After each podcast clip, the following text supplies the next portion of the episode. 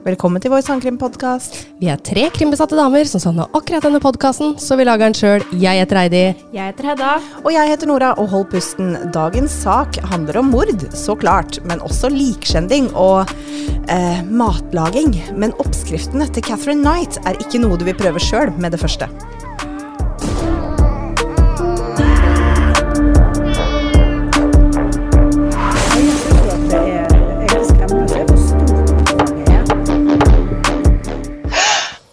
Hei, Nora og Hedda. Hei. Velkommen eh, til studio, Hedda.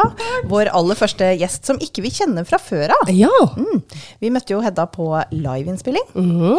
Hvor hun eh, spurte om å få autografen vår, og vi følte oss som rockestjerner, så tusen takk for det. Ja. så sånn er vi da, når vi føler oss eh, som rockestjerner, så er vi bare sånn kom, bli med oss! Jeg syns det var genialt det du sa da, Nora. Du bare eh, Hvordan skriver Ja, jeg? hvordan, hvordan skriver jeg autograf? Ja. Hva, skal jeg, skal jeg, hva skal jeg skrive hele navnet? Og Hedda liksom? sitt svar da bare Nei, ikke veit jeg! Det- Nei, Jeg vet ikke, jeg, jeg er ikke stjerne. Hedda bare eh, Jeg veit ikke. Ingen som skulle bedt meg om autografen. Jeg bare nei, det tør ikke jeg heller. Men jeg skal si, jeg ble skikkelig starstruck av å se dere første gang. Ja, jeg var sånn Å, herregud. Så koselig! Det er veldig gøy. Um, men så sa du jo det at uh, autografene var jo ikke til deg, det var til broren din. Og så uh, fortalte du historien om broren din som gjorde meg og Heidi veldig rørt, og vi måtte jo bare da be deg med. Ja. Vil du utdype det? Ja, det, for, det første så var det storebroren min som em, introduserte meg for deres podkast. Det høres ut som en kul fyr. Det Ja. sa jeg vel da òg, faktisk. Ja. Han var det, han var dritkul. Um, han tok livet sitt uh, i november. I uh, fjor. I fjor, ja. Det I fjor. Det er jo ikke lenge siden engang. Og det skjønte jeg ikke før nå, at det var november i fjor. Oi, det er ikke mange måneder nei siden. det er, er det tre? Nei. November, desember, januar, februar. Ja, det er tre måneder. Ja. Ja. Det kobla jeg faktisk ikke. Nei, nei, ikke for nå. Nei. Og når hadde vi liveshowet? I januar, var det? Ja. Ja. Da var det jo to måneder, da. Å, Oi. herregud. -hmm. Ja. Ja. Eh, så det sugde jo selvfølgelig. Ja. Ja.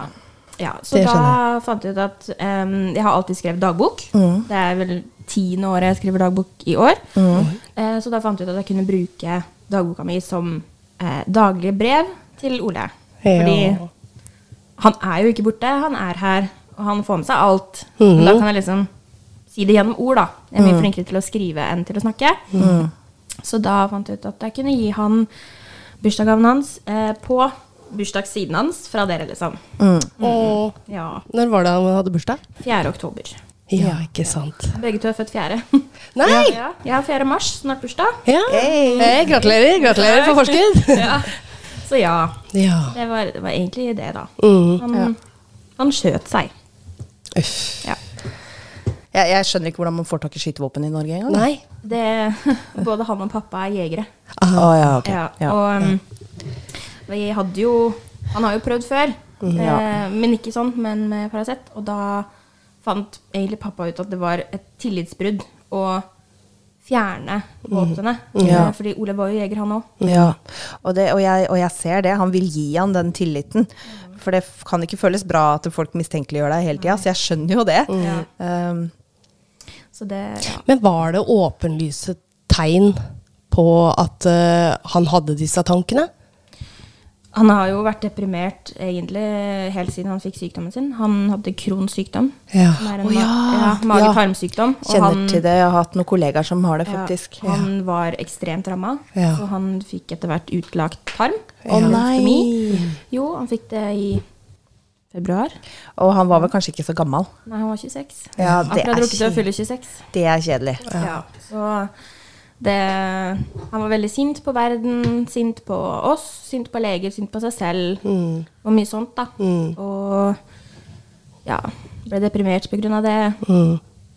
Så det, ja, det var egentlig bare det som ledet opp til det. Mm. Da. Men mamma og pappa hadde tatt han hjem fra studiet Mm. i Hamar.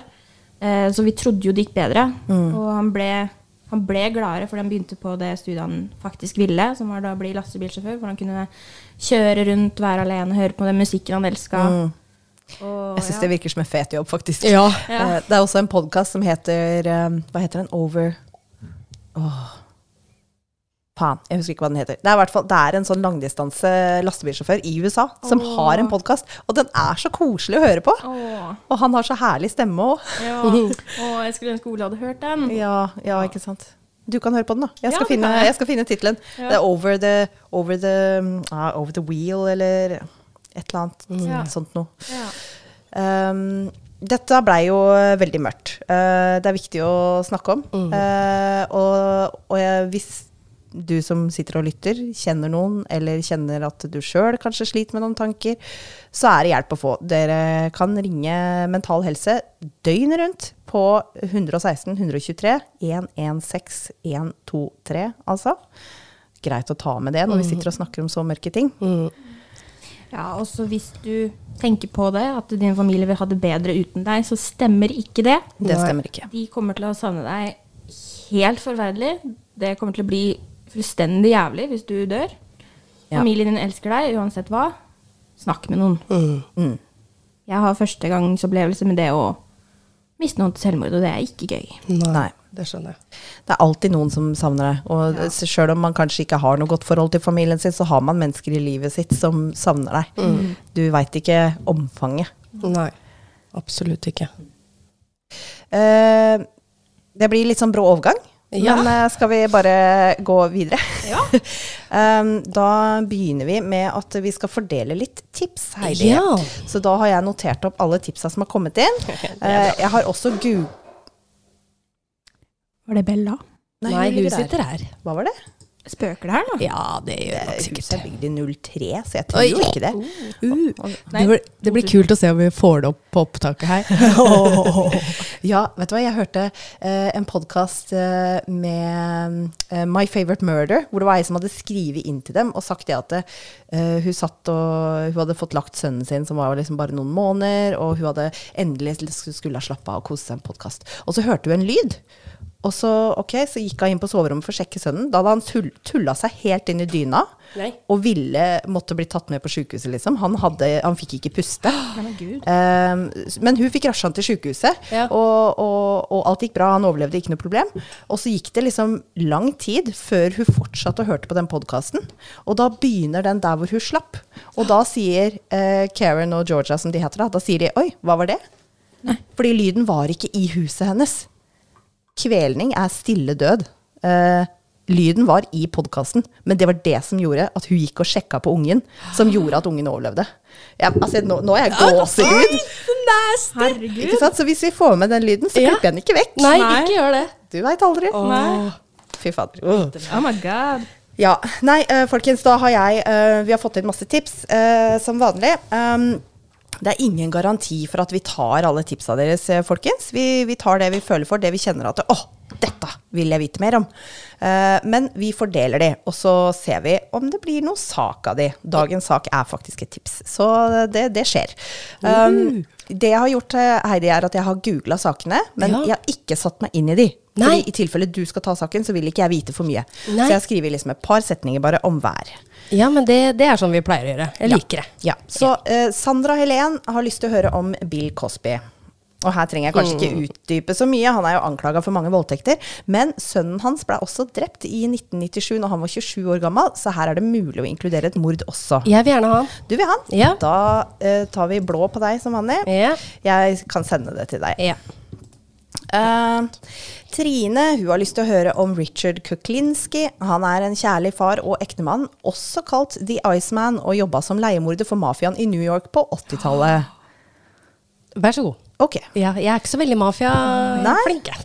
Elsker mafia. Gjør du det? Ja, Ja, mafia-sekter og sånn, det Ja, er jeg hører Ja. på Gangsterpodden. Gjør du det? Ja, det er Men, dritfett. men uh, vi har jo ikke hatt noe Har vi hatt noen mafiasaker? Mm, Nei. Nei. Jeg har tenkt til å ta uh, eh, Hva het dem, da? Elephant Girls. Ja. Ja. sånn uh, jentegjeng Ja. i, i London. uh, på liksom, når var det? Slutten av 1800-tallet, begynnelsen av 1900-tallet. 19, ja, Eh, de, de var mafia. Men jenter. Det er fett. Oi, det er fett. Det er fett. Um, Guneva hun har lyst til å høre om Christine Falling, som er en seriemorder i USA på 80-tallet som drepte barn, babyer og en pensjonist. Jeg, har, jeg, jeg kommer ikke til å ta den, det sier jeg med en gang. Jeg har barn, jeg orker ikke, jeg fikser ikke. Det skjer Ja. ikke. Vil du ha den? Eh, ta den i blå, du, for det kan jo hende at jeg syns den blir interessant hvis jeg gjør litt mer Ja. research på den. Greit. Eh, så har vi fått inn et tips fra Britt Elin og Veronica. To stykker som har lyst til å høre denne saken her. Det er eh, Erin Caffey, som er en 16-åring som drepte nesten hele familien sin.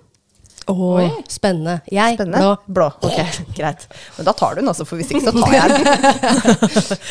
Eh, Emilie har lyst til å høre om Mary Collins. Eh, kroppen hennes var funnet pakka inn i plastfolie og teip, og lukta forsøkt maskert med oppvaskmiddel og pumpkin spice dusjsåpe. Hæ? Oi! Det, det er det jeg veit om det. Det er det du veit om? Ja. ja. Hmm. ja, den var inter... Yes.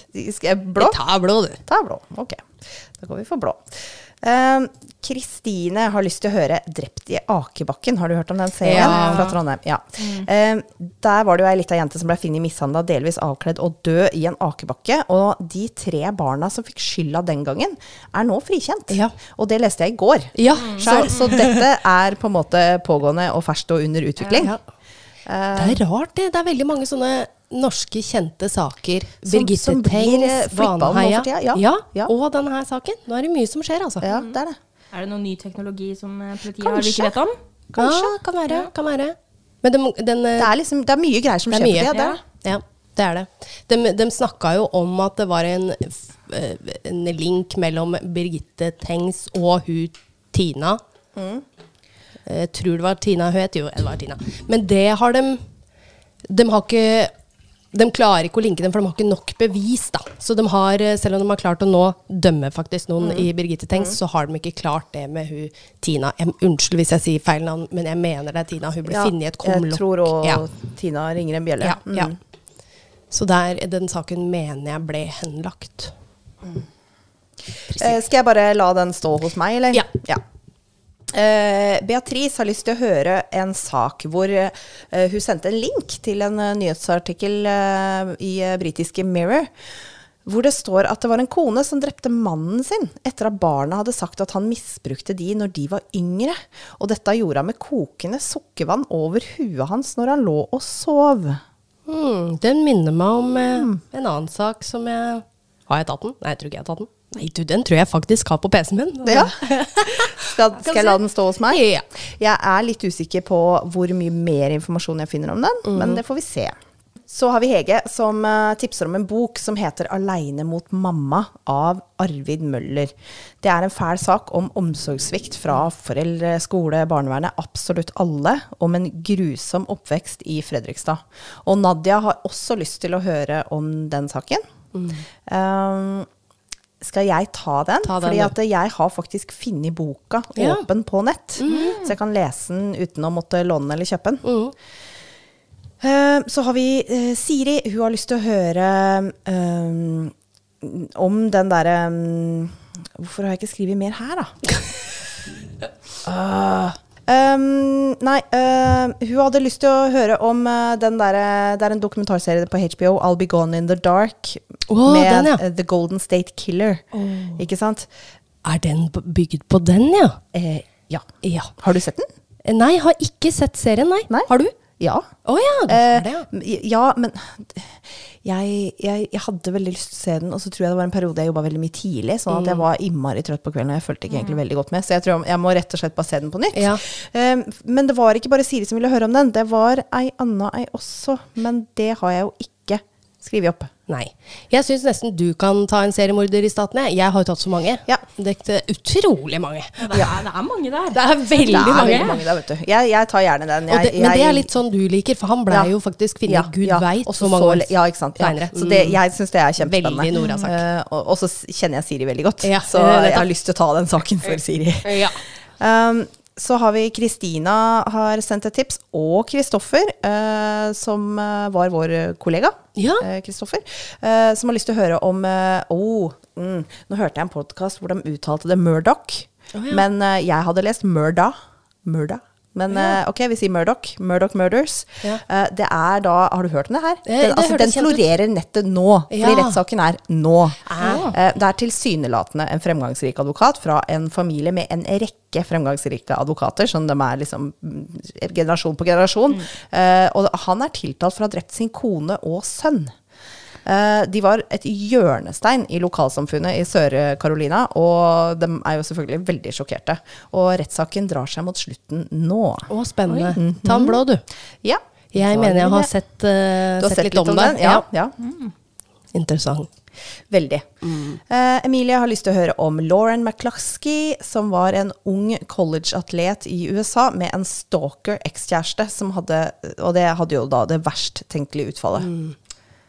Ja ja, jeg er jo kjent for å ta de sakene òg. du du, er jo det. Uh, Tina Birgitte har lyst til å høre om Chris Kremers og Lisanne Fron, som var to nederlandske studenter som forsvant på tur i Panama i 2014. Eh, en stor leiteaksjon fant deler av kroppene noen måneder seinere, og det her er det mange teorier. Eh, de har også funnet telefonene deres, og de har publisert da, det står på Wikipedia, en sånn liste over når de prøvde å ringe nødsamtalene, fra hvilken av telefonene. Og de har også funnet kamera med litt sånn merkelige bilder. Eh, og denne her ville også Ingrid høre om. Ja, jeg så faktisk det tipset, og jeg Ja. mener at jeg uh, leste artikkelen og googla litt. Grann, Ja. Men jeg fant ut det er Det er jo ikke noe konkret her i det hele tatt, så det blir jo liksom bare konspirasjoner. Ja. Um, så da tenkte jeg at da, da tar jeg ikke den. Men um, vi kan jo ha den litt åpen, da. fordi Ja. uh, det kan jo være at det utvikles noe her, eller Ja, jeg har hørt uh, Jeg husker jo ikke hvilken, men jeg har hørt en podkast om saken, og jeg syns den var kjempespennende. Mm. Ja, og det Så da, er nok. Mm. Da, da lar jeg den stå hos meg, og så kan det jo hende at jeg tar tak i den etter hvert. Um, Anna hun eh, tipser om Bobby Joe Long, som var en amerikansk seriemorder, men hans siste offer hadde også en overlevelseshistorie. Det er litt sånn typisk Heidi, Heidi, Det eller? er meg. Ja. Bla, bla. Det er bestevenninna mi. Um, Live har sendt oss en e-post med masse informasjon om en god gammel sak fra Uvdal. Og emnet for e-posten var til Nora, så den tar jeg. Du, er så god. Uh, så der får vi nok også til en samtale med Live, for hun sitter med masse lokalinformasjon på denne saken. Mm. Men hun nevner også John List, som drepte hele familien sin og ikke ble tatt før 18 år senere. Og hun, der kom det. Og hun nevner også Golden State Killer. Ikke Ja. sant? Ja. Så det, det, jeg visste det var flere som hadde sagt det. Ja, ja, ikke sant? Er det noe uh, vil, vil du ha John List, for eksempel? Eller Uh, ja, ta blå, du. jeg farger den uh, blå, og så lar jeg resten stå hos meg. Uh, Nadia tipser om Det så du, hun sendte oss en TikTok om Taylor Shabusiness. Ja, den skal jeg ha. Hvilket etternavn. Uh, ja, ok, jeg bare tar den i blå. Ja, Um, hun drepte Det jeg har notert på den, er at hun drepte Jeg tror de var ekser. Uh, Shad Tyrion på veldig groteskt vis. Og hun er midt i rettssaken nå og angreip nylig advokaten sin i retten. Så skvær gæren, virker som. Den er helt sjuk, ass. Ja. Det, den, den går jo faktisk viral nå, den der Ja. lille klippet Yes. fra at hun angriper eh, advokaten sin. Ja, da, jeg gleder meg veldig til å høre Ja, deg snakke om det. Virker som en god idé. Angripe advokaten. Ja, ikke sant? Mm, Da, Kjempesmart. da er du rekt i nagla. Og, det, og det, altså jeg kan skjønne det hvis advokaten ikke gjør noe, men han her eh, Han har virkelig jobba for at hun Ja. ikke skulle få Ja. noe dom her i Ikke det hele sant? tatt. Han har gjort en stødig jobb, Ja. liksom, og hun bare Og det kom ut av det blå. Ja. Det var helt sjukt. jeg har sett det klippet på Ja, TikTok. det er helt helt vanvittig. Eh, Ingrid kommer med tips om to lokale saker fra der hun bor. Uh, Oda Mo, en 15-åring drept under svært skjerpende omstendigheter, som det står på NRK, av en 18-åring.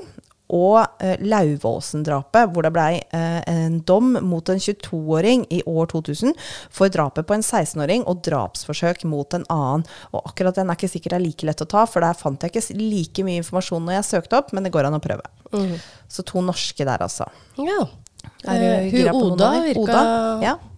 Da, interessant. Da blår jeg ut den. Mm. Og det var eh, tipslista. Ja, Så da sender jeg deg det etterpå. så perfect. Yes. Da er vi eh, klar for å gå to business. Yes, det har gått 20 minutter. Det har gått 20 minutter. Ja, det er fint. Jeg har ikke så mange sider, så. Nei. Å nei, det er bra. Det har jeg nemlig. Ja, ok. eh, takk til Ivan, eller jeg vet ikke om du sier Ivan. Ivan, Jeg regner det er Ivan, vi bor i Norge. Eh, takk til Ivan, da, som tipsa om denne saken. Eh, Catherine Mary Knight og hennes tvillingsøster er født 24.10.1955 i Tenterfield, Australia. Og deres eksistens var litt av en skandale. Du nikker, Hedda. Har du ja, hørt den? Ja, Jeg har hørt den før. Det elsker den. Den er dritbra. Den, ja, men den er jo helt Ja, men, jævlig. Ja, ja, ja. Ja. Misforstå meg rett. Ja, liksom. ja, ja, ja. Du elsker den sånn som vi elsker true crime. Eh, Jeg har ikke hørt den. Nei. Nei, jo, kan hende du har hørt den. Ja. Eh, Du får se, da, vet du. Uh, men deres eksistens var litt av en skandale, fordi at mora deres, Bar Barbara Rowan, var gift med fire barn. Oh. Mannen hennes, eh, Jack, drev et eh, slakteri i Aberdeen, og Barbara blei kjent med Catherines eh, far, Ken Knight, som var da hennes ektemanns kompis og kollega. Ja. Oi, ok, ja, nå måtte jeg Hun, hun hekka Ja. med kompisen til mannen sin. nei, nei, nei, nei. Og fikk hun- tvillingjenter. Ja. oh. Ja, så det, ja, litt skandale. Så nå har hun seks barn. Nå har hun seks barn. Har seks ja.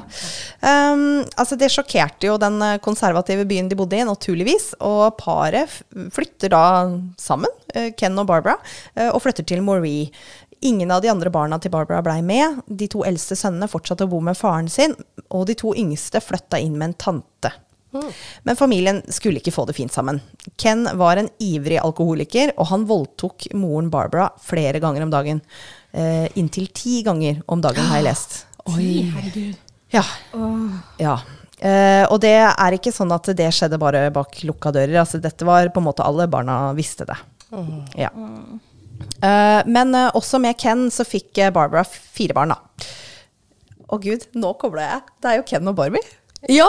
Barbara, he, Barbie heter jo egentlig Barbara, Ja. ikke sant? Ja, Det ja. Ken ja. Oh, det visste ikke jeg. Nei, uh, Barbie er liksom kallenavn. Eh, det, var, det var morsomt. Men uh, historien er ikke morsom. Um, Catherine sier at hun sjøl også blei misbrukt av flere familiemedlemmer fram til hun var elleve år. Det er usikkert på en måte hvorvidt det stemmer, men det er noe hun sier. En psykolog i en dokumentar jeg så på YouTube, forteller hvor skadelig det er for barn å vokse opp under sånne f- forhold. Altså, faren drikker, slår, voldtar. Uh, og, og mora er jo liksom ikke helt god, kanskje, hun heller. Um, og denne psykologen sier at Catherine hun kobla nok allerede ut i tre-fireårsalderen. Og når du mentalt rømmer og ikke er til stede i en så ung alder, så går du glipp av viktige ting i livet. Helt grunnleggende følelsesmestring, glede, latter og sosiale evner. Ja, bare ikke nok med det, men altså Tenk så mye du ikke får lært, da. Av skolemessige ting. Du utvikler jo deg ikke i det hele tatt. Nei. Eh, Barbara snakka ofte om hvor mye hun hata menn og hata sex. Og det kan jo ha påvirka Catherine på en måte Barbara ikke kunne ha sett for seg. Men Barbara var ikke heller bare et kua offer. Hun slo like godt som hun fikk. Og hun slo også barna sine, og det gjorde faren òg. Så hun var ikke noe bedre, med andre ord. Hun var ikke noe bedre. Nei. Jeg tenker at dette det de er dysfunksjonelle alle sammen. Oppskriften på katastrofe, nesten. Ja, og det vil du få høre etter hvert. Ja. Du veit jo. På skolen så var Catherine en mobber som plaga de yngre barna. Eh, hun hadde ikke så mange venner, men hun var veldig nær da tvillingsøstera si Joy. De flytta mye rundt, og hun hadde ikke mulighet til å på måte skaffe seg så mange venner heller. Hun og tvillingsøsteren blei observert en gang i skolegården, hvor de krangla om hvem som skulle ta sykkelen hjem. I den unge alderen så kan du kanskje se for deg at jenter lugger og klyper og klorer, men de banka hverandre med knyttnevene. Altså, hva har de sett i oppveksten som gjorde at de brukte den metoden? Det kan man jo bare lure på. Og mente at det liksom var innafor òg, Ja, mm. ja. At uh, nå har vi en konflikt, det løser vi sånn. Ja, ja. Ja, det er ganske brutalt. Eh, Catherine hun lærte seg aldri å lese eller å skrive, og droppa ut når hun var 15 år for å jobbe i en klesfabrikk. Og ett år seinere så får hun drømmejobben. Hva tror du drømmejobben er? Hmm. Jeg veit ikke. Du veit jo sikkert? Ja, jeg tror det. Ja. Jeg husker Ja. i hvert fall senere Kan jeg si det? Ja. Noe om noe slaktehus eller et eller ja. annet. Yes. Drømmejobben hos en slakter. Er det drømmejobb? Det var liksom? drømmejobben. Det var drømmejobben. Det er det hun hadde drømt om hele livet. Eh, moren hennes og faren hennes hadde jobba der. Det er jo, jeg tror faktisk den, det slakteriet eies av ekskona, nei, eksmannen til oh. Barbara. Altså han første. Ja, ja, ja. Eh, for mora hennes og faren hennes hadde jobba der, og brødrene hennes jobba der, og bestefaren hennes hadde jobba der, og det var det eneste hun ville i livet. Skikkelig familiebedrift, det her. Ja, ja, ja. Eh, det er jo Veldig rar Ja, drømmejobb. Veldig, veldig rart. Men det kan jo ha vært at eh, de tjente godt, da, eller noe sånt noe. Det var liksom i Aberdeen eh, som Altså, det er jo en by som heter Aberdeen i Skottland nå, tror jeg. Ja. Men Aberdeen i Australia er ganske lite, og det Ja. de på en måte har av industri, er det slakteriet, da. Ja, ja altså hvis du har mye dyr og sånt noe, ikke sant? kanskje du ikke ser for deg at uh, advokat er, et fir, nei, er en uh, Mulighet. mulighet, eller Nei, men ja. når ikke du kan lese eller skrive. Nei, nei, ikke sant? Ja. Det er litt realistisk her. Ja. ja. Uh, jobben hennes besto av å skjære ut innmat, og hun elska jobben sin. Herregud. Hun, ville, hun, altså hun fikk raskt en forfremmelse og sitt eget sett med slaktekniver, og det var stort. Wow. Hun skjærte gjerne over pulsårer på dyra, bare for å se blodet flyte. Og hun likte hvordan kollegaene så på henne. Ingenting kunne affisere henne. Ingenting var for groteskt. Blodtørsten hennes blei tilfredsstilt på jobb, i hvert fall enn så lenge. Og hun var så stolt av det knivsettet hun fikk, at hun hang det over senga, i tilfelle hun skulle trenge de. Og det skulle vise seg at hun skulle trenge de. På soverommet. Eh, ok. Hun traff etter hvert sin første kjærlighet, David Kellett. Han hadde uh, Nei, unnskyld. Hun har tidligere i livet flytta mye rundt, men nå uh, bor hun i nærheten av slakteriet, da, som er i Aberdeen. David han var tidligere jernbanemann, men nå jobba han også i slakteriet. Det var kanskje en mann som minte henne mye om pappa. For David var også en utagerende alkoholiker som ofte havna i slåsskamp. Han blei alkoholisert etter to traumatiske opplevelser på jobb, hvor han så en kollega bli drept under skifting. Og han hjalp til å redde barn ut av en skolebuss som var blitt påkjørt av toget. Eh, skifting er når tog flyttes på stasjon, eller skjøtes sammen, eller deler togsett og eller vogner. ja, Og i skolebusshendelsen døde det seks barn. Oh. Så ganske kjipe ting å vitne. Catherine er jo vant til å være rundt alkoholikere, og hun overrasker David når hun deltok i hans drukne slåsskamper. Hun var klar. Men Catherine kunne gjøre mye mer enn å bare slåss. Og snart dominerte hun David fullstendig. I 1974 overbeviste Catherine David om at de skulle gifte seg. David var drita hele tida, men han fikk til og med en advarsel fra sin nye svigermor om at Catherine hadde en skrue løs et sted. Svigermor sa han måtte passe seg, for Catherine ville drepe han om han noen gang var utro, og hun advarte han om å ikke gjøre henne sint. De ankom vielsen på en motorsykkel. Catherine kjørte, og en drita David satt bakpå. På bryllupsnatta fullbyrdet de sin union hele tre ganger. Men det var ikke nok for Catherine, som blei forbanna når David ikke orka mer. Hun hadde nemlig hørt det at hennes egne foreldre de gjorde det fem ganger på bryllupsnatta. Hun trodde det var det som var meninga. Så han sovna, og hun blei rasende. Så hun satte seg oppå han og begynte å kvele han.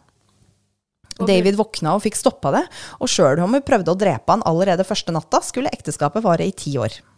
Wow. Ja. Eh, David var ofte utro, og han dro til og med fra Catherine, og deres, nå har de to døtre, midt på natta en gang.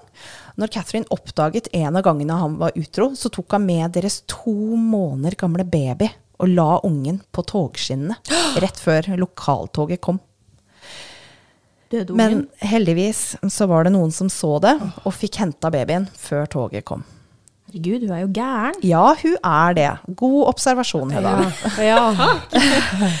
Um, Catherine har også trua flere med en øks hun hadde stjålet. Uh, hun ble diagnosert med fødselsdepresjon etter at hun ble observert slengende skjødesløst rundt på en barnevogn. Hun fikk et lite opphold på psykiatrisk avdeling, hvor hun fortalte sykepleierne at hun skulle drepe bilmekanikeren til David, fordi at han hadde fiksa bilen til David som gjorde det mulig for han å forlate henne. Til tross for dette så var det David som henta henne når hun ble skrevet ut. Men gjenforeninga varte ikke lenge før David til slutt dro, og Catherine sto fortvila igjen. Han flytta inn med en kjæreste, og Catherine havna igjen eh, kort tid på psykiatrisk, og forholdet deres var veldig turbulent. Eh, en gang David hadde vært på puben og deltatt i dartturnering, så kom han seinere hjem enn avtalt, og da sto Catherine og venta på han, og klinka til han i huet med en steikepanne når han kom inn døra. David fikk stabba seg bort til en nabo og fikk komme seg videre på sykehuset, hvor han blei liggende en uke med brudd i skallen. En steikepanne. Ja. Da, da Altså, det det må jo være en jernpanne, tenker jeg. Det er ikke noe sånn er der lett veier 30 kilo Ja. nesten, liksom. Det er ikke noe sånn som du Det er ikke teflon, tror jeg. De er tunge, altså. Det er ikke fra Ikea. Nei, det er sånn ordentlig. Ja, Vi hadde er jern. tunge. De er tunge, altså. Det er sånn når du står sånn, og du skal liksom skrape ut liksom, tacokjøttdeigen, eller hva du driver med. Det- Å, det er tungt. Å, det er tungt. Og jeg tenker Hvis du tar den med begge hender og Ja, mokker til ja, ja. Og de slo ikke opp da heller. Og nå sa jeg jo på et eller annet tidspunkt at han flytta inn med en kjæreste, og flytta ut. Men altså, det var veldig mye sånn fram og tilbake. Og så er jeg litt usikker på tidslinja. Fordi at jeg har litt ulike kilder, og de sier litt forskjellige ting. Så jeg er litt usikker på hva som kommer når, og, og så videre. Men uh, alt på en måte skjedde i løpet av forholdet deres, da. Uh, Søstera til David var på besøk hos dem når hun hørte et barn gråte voldsomt på badet. Når hun gikk for å sjekke, så så hun at Catherine holdt barnet under krana i det som så ut som fryktelig varmt vann. Søstera sa ifra til David, og han sa at uh, ikke kommenter det i kveld til Catherine. Uh, ikke ta det i dag, for da kommer vi definitivt til å bli drept i søvne. Altså Altså, jeg er litt der vi, Altså, si det. Vite at det er en mulighet, og så Og så blir du! Ja, ikke ja. Hallo? Er det noen hjemme, eller? Det er, jo, det er jo helt sinnssykt. Jeg er helt enig med deg. Men nå har jeg aldri vært i den situasjonen. Jeg kan jo være redd Nei, for men- at hvis den stikker, så blir den drept av òg, liksom. Men Nei, men du har barn! Tenk å ha barn i en sånn situasjon! Du hadde jo tatt med deg ungen under arma og bare løpt! ja. å gå til politiet, liksom. Absolutt! Det, det, det, det der hadde jeg faen aldri funnet meg i, ass. Nei. Åh. Bare liksom få kjenner høre av søstera di eh, at liksom ja. eh, mora holder ungen Mora sin under skåller barnet ditt, og liksom. Ikke si noe om det i kveld. Vi tar det i morgen, det er ikke stress, liksom. Ja, da, da kanskje vi overlever. Ja. Altså, jeg kjenner at bjørnemamma brummer i brøstet mitt. Jeg blir så forbanna. Ja. Åh. Men til slutt så går de fra hverandre. Ok? Takk Gud. Ja.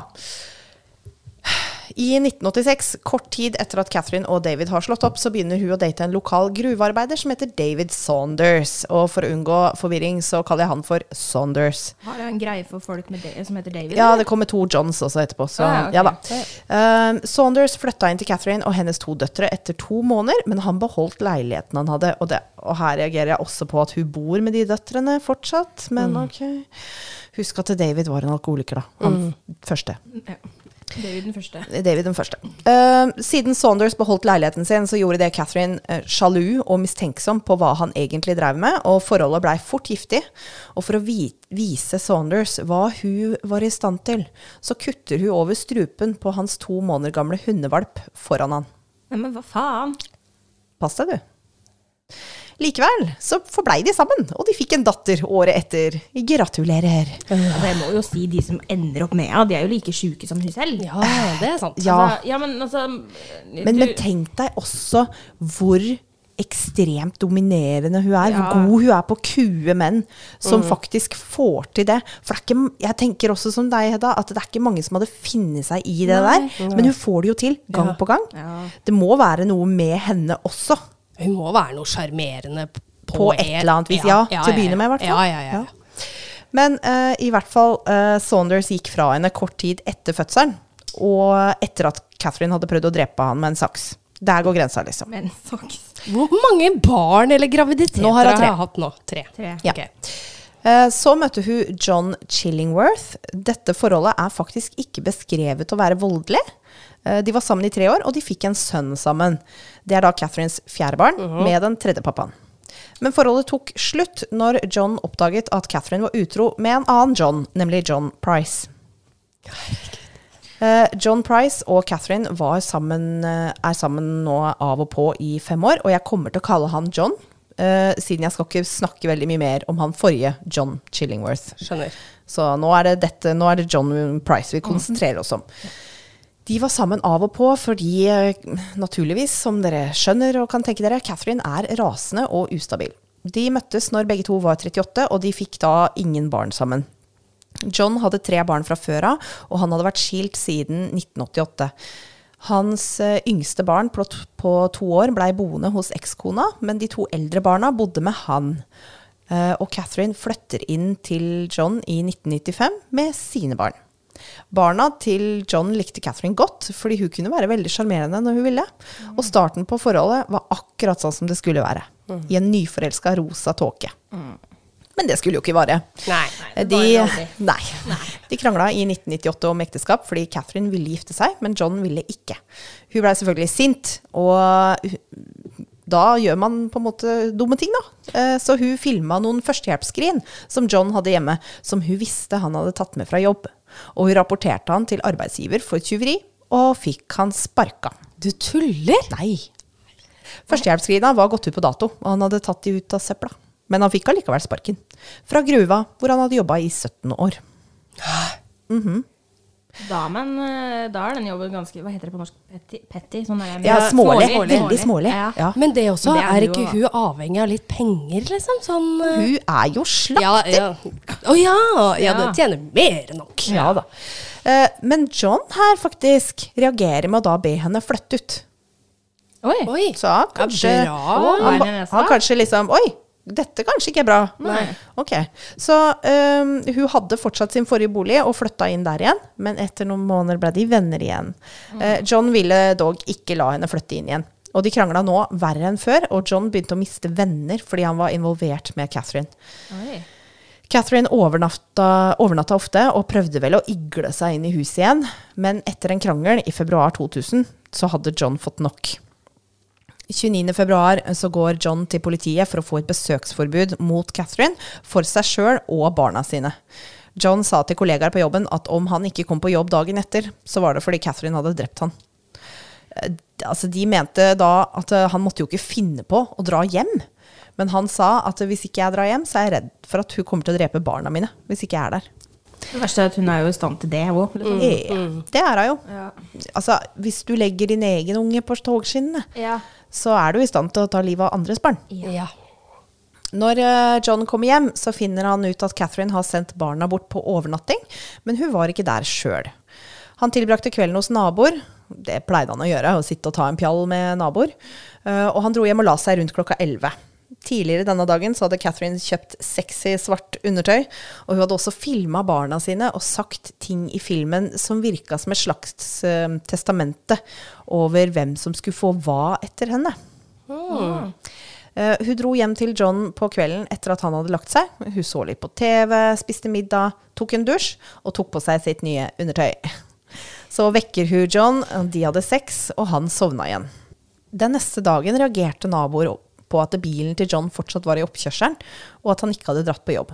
Han var en flink arbeidstaker, han var aldri hjemme, øh, og var aldri borte fra jobb, liksom. Så jobben sendte en kollega til han for å sjekke på han. Naboen og kollegaen banka på soveromsvinduet hans, men ringte politiet når de så blod på ytterdøra. Politiet tar seg inn bakdøra, og der finner de Johns kropp og Catherine i nærmest koma etter en overdose med piller. Og det her er i ferd med å bli skikkelig groteskt. Som i veldig. Dette Oi. er din advarsel.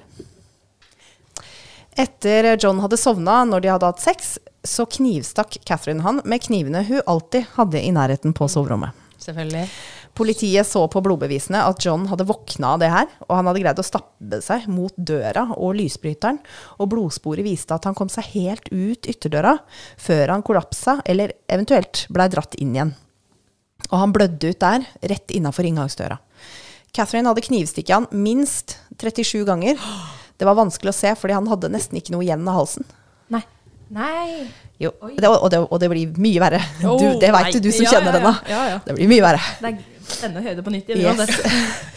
På et eller annet tidspunkt i løpet av natta så kjørte Catherine til en minibank og tok ut 1000 australske dollar på en av eh, John sine kort. Eh, Men Catherine, hun flår John og henger huden hans fra en kjøttkrok som hun hadde installert i taket i stua. Hvem, hvem installerer en kjøttkrok i stua? Ja, Bare, bare hun hadde altså, nei. veldig mye rare ting eh, i, på tak og vegger. Ja. Mye redskaper og kroker, og hun hadde en veldig interesse for yrket sitt, kan du si. Jeg har jo det òg, men jeg henger ikke opp kanyler i stua, liksom.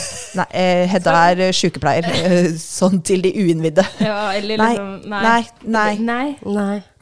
Jeg viser dem fram, da, men Ja, ja, til de som er interessert. Nei. Jo, ja. ja. Nei, men det, det, det er en spesiell type person som gjør det. Altså. Ja, ja, jeg liker, liker å se på fjeset ditt, Heidi. Ja. Nå skal jeg bare kikke på deg. ja. Så hun flådde han, og det gjorde hun med den ypperste ekspertise. For det var jo dette hun var god på. Hun flådde hele huden i ett stykke, til tross for stikksåra, og fikk med seg hår, ører, leppe og eh, fingre. Og huden var faktisk nesten helt intakt. Det er jævlig vanskelig. Det vil jeg vil jeg har ikke gjort det sjøl. Nei, men, det vil jeg tro. Ja. Eh, Det er mye kriker og kroker på hender og fingre, Ja. og få med seg lepper og nese. Og, Ja. Eh, Faktisk så var huden så hel at den ble sydd på han igjen når han skulle gravlegges. Nei, what? Når politiet kommer inn i huset, så trodde de det var en gardin som hang der.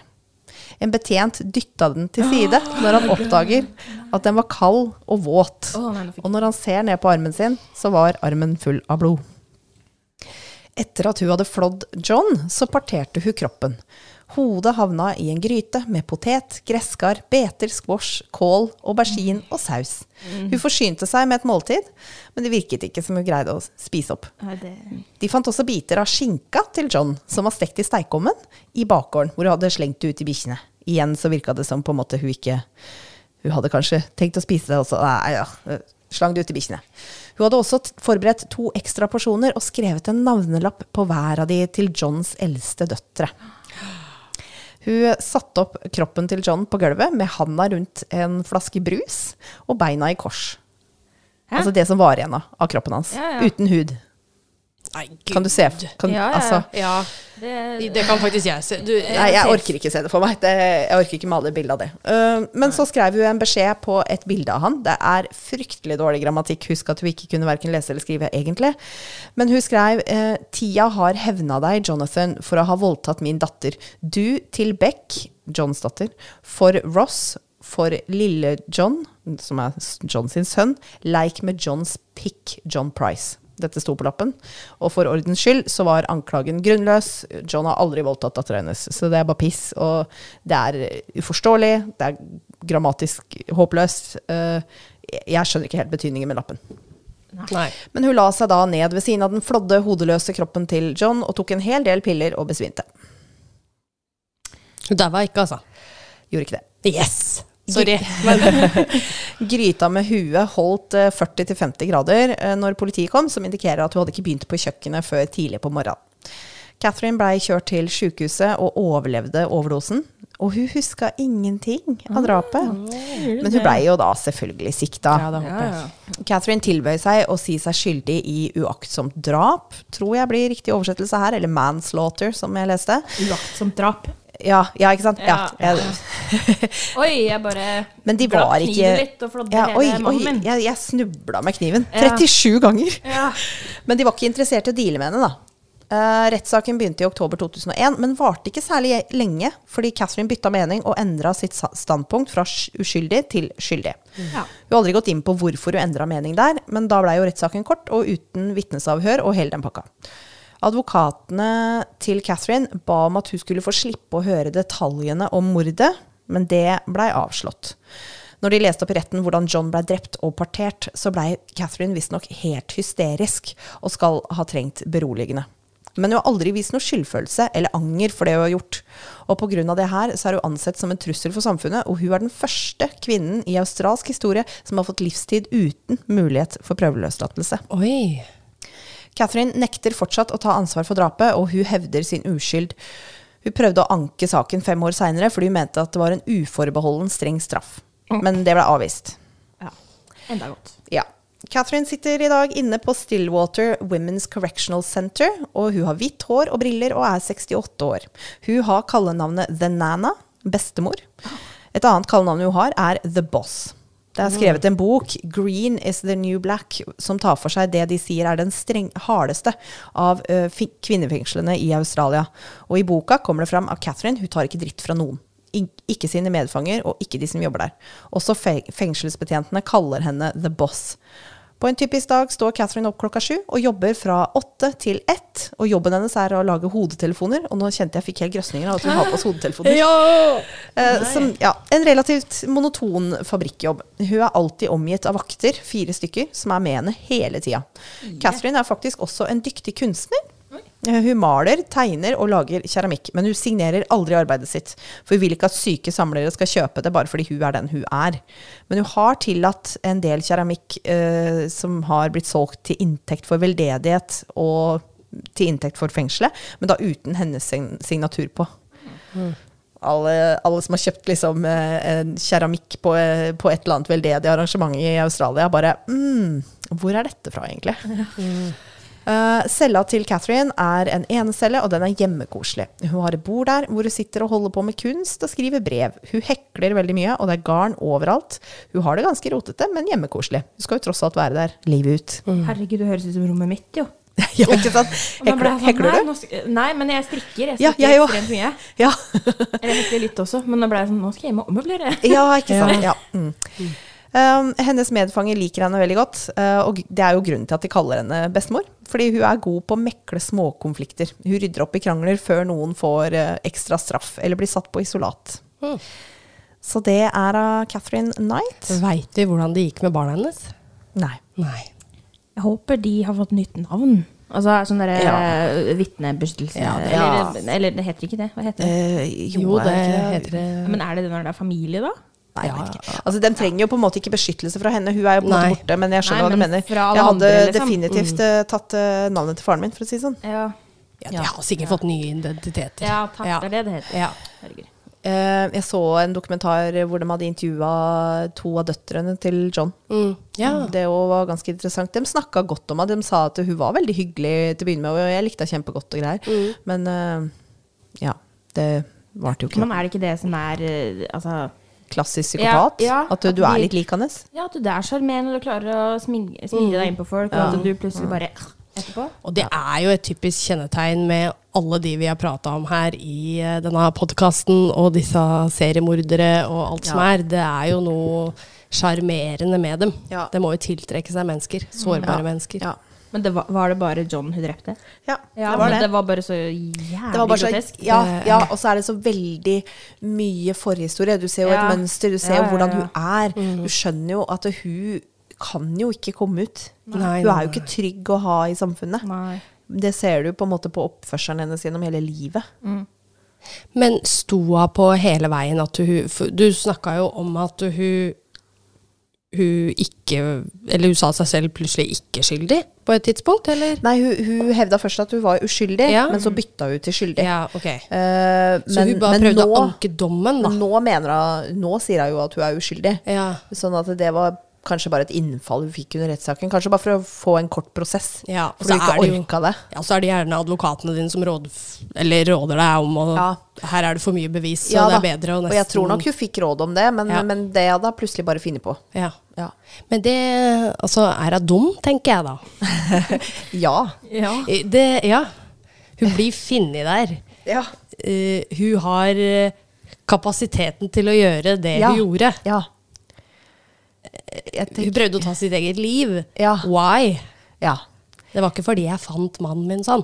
Eh, nei. nei. Nei. Nei, hvem an... Altså. Hvem andre hadde bare kommet inn og så bare Nei, du, vi skal flå litt her og drepe, 37 og så begynne å lage mat. 37 stikksår er overkill. Ja. Og det vitner om en sinne. eh, et, ja, men også at det er veldig personlig. Ja. Hvis, du, hvis du skal drepe noen bare for å på en måte ta de av dage, så gjør du det ikke med 37 stikksår. Det er mer effektivt. Ja. Mens det der er gjort i affekt. Ja. Det, er en, det er et lidenskapelig drap, på en måte. Og du skal forsikre deg om at denne personen faktisk er død. Ja, og det er mye sinne og aggresjon som kommer ut, og det er det ikke på samme måte hvis det er noen du ikke kjenner eller har noe Nei. forbindelse til. Ofte. Ja. Ofte. Ikke alltid. Nei. Ja da. Nei, men uh, bilder og sånt noe på Facebook og Instagram. Hold pusten pod. Uh, link i beskrivelsen. Jeg tror faktisk ikke jeg trenger bilde, for jeg har fine bilder oppi huet allerede. Og Ja. det er ikke Jeg, jeg tror eh, bildene jeg deler, er ikke grafiske. Nei. jeg har ikke leita de opp ennå, men jeg tenker vi går for helt vanlige Ja. bilder av gjerningsperson. Ja. Bilder av offeret, ikke åstedsbilder. Jeg tror i hvert fall Kristine, mm, som eh, elsker detaljer, hun kommer til å like denne Ja, hun på episoden. liveinnspillinga som Ja. syns det skulle vært litt mer blod og gørr. Ja. Vær så god. Eh, Vær så god til deg. Ja. Det, det er første gang jeg faktisk ble skikkelig kvalm. Jeg kjenner det fortsatt i halsen. Jeg Var det har- beskrivelsen av huden som hang ja, der? Og du, du klarte den beskrivelsen så jævlig ekkel. Det var sitat fra han som faktisk eh, var der på åstedet. Så. Stakkars mann. Han må jo ha fått eh, altså, Jeg er spent på om han fortsatt jobben. I etterkant, liksom. Ja, ja, ja. Ja, det Og det, altså Nå veit jeg ikke hvordan det er i Australia, der hvor dette skjedde, men eh, i USA spesielt, da, så har jo ikke disse politifolka så lang opptrening. Nei. Nei. Jeg vet ikke åssen det er i Australia, som du sier. Nei. Uh, så, det, men det er jo veldig forskjellig fra land til land. Det her. ja, Kan det hende det er ganske likt som i England, siden Ja. det, det ble kolonisert. Ja, det er sant. Det er et godt poeng. Men veit du åssen det er der? Nei. Nei. There we go. men uh, ja. ja. Hedda, Eh, ja. tusen takk for Ja. at du kom. Eh, det var veldig gøy. Veldig hyggelig. Ja. Takk for alle innspill underveis, og også at du delte historien din. Ja. Ja. Det var veldig gøy. ja, så bra. Da snakkes vi om en uke, folkens. Det gjør vi. Ha det. Ha det.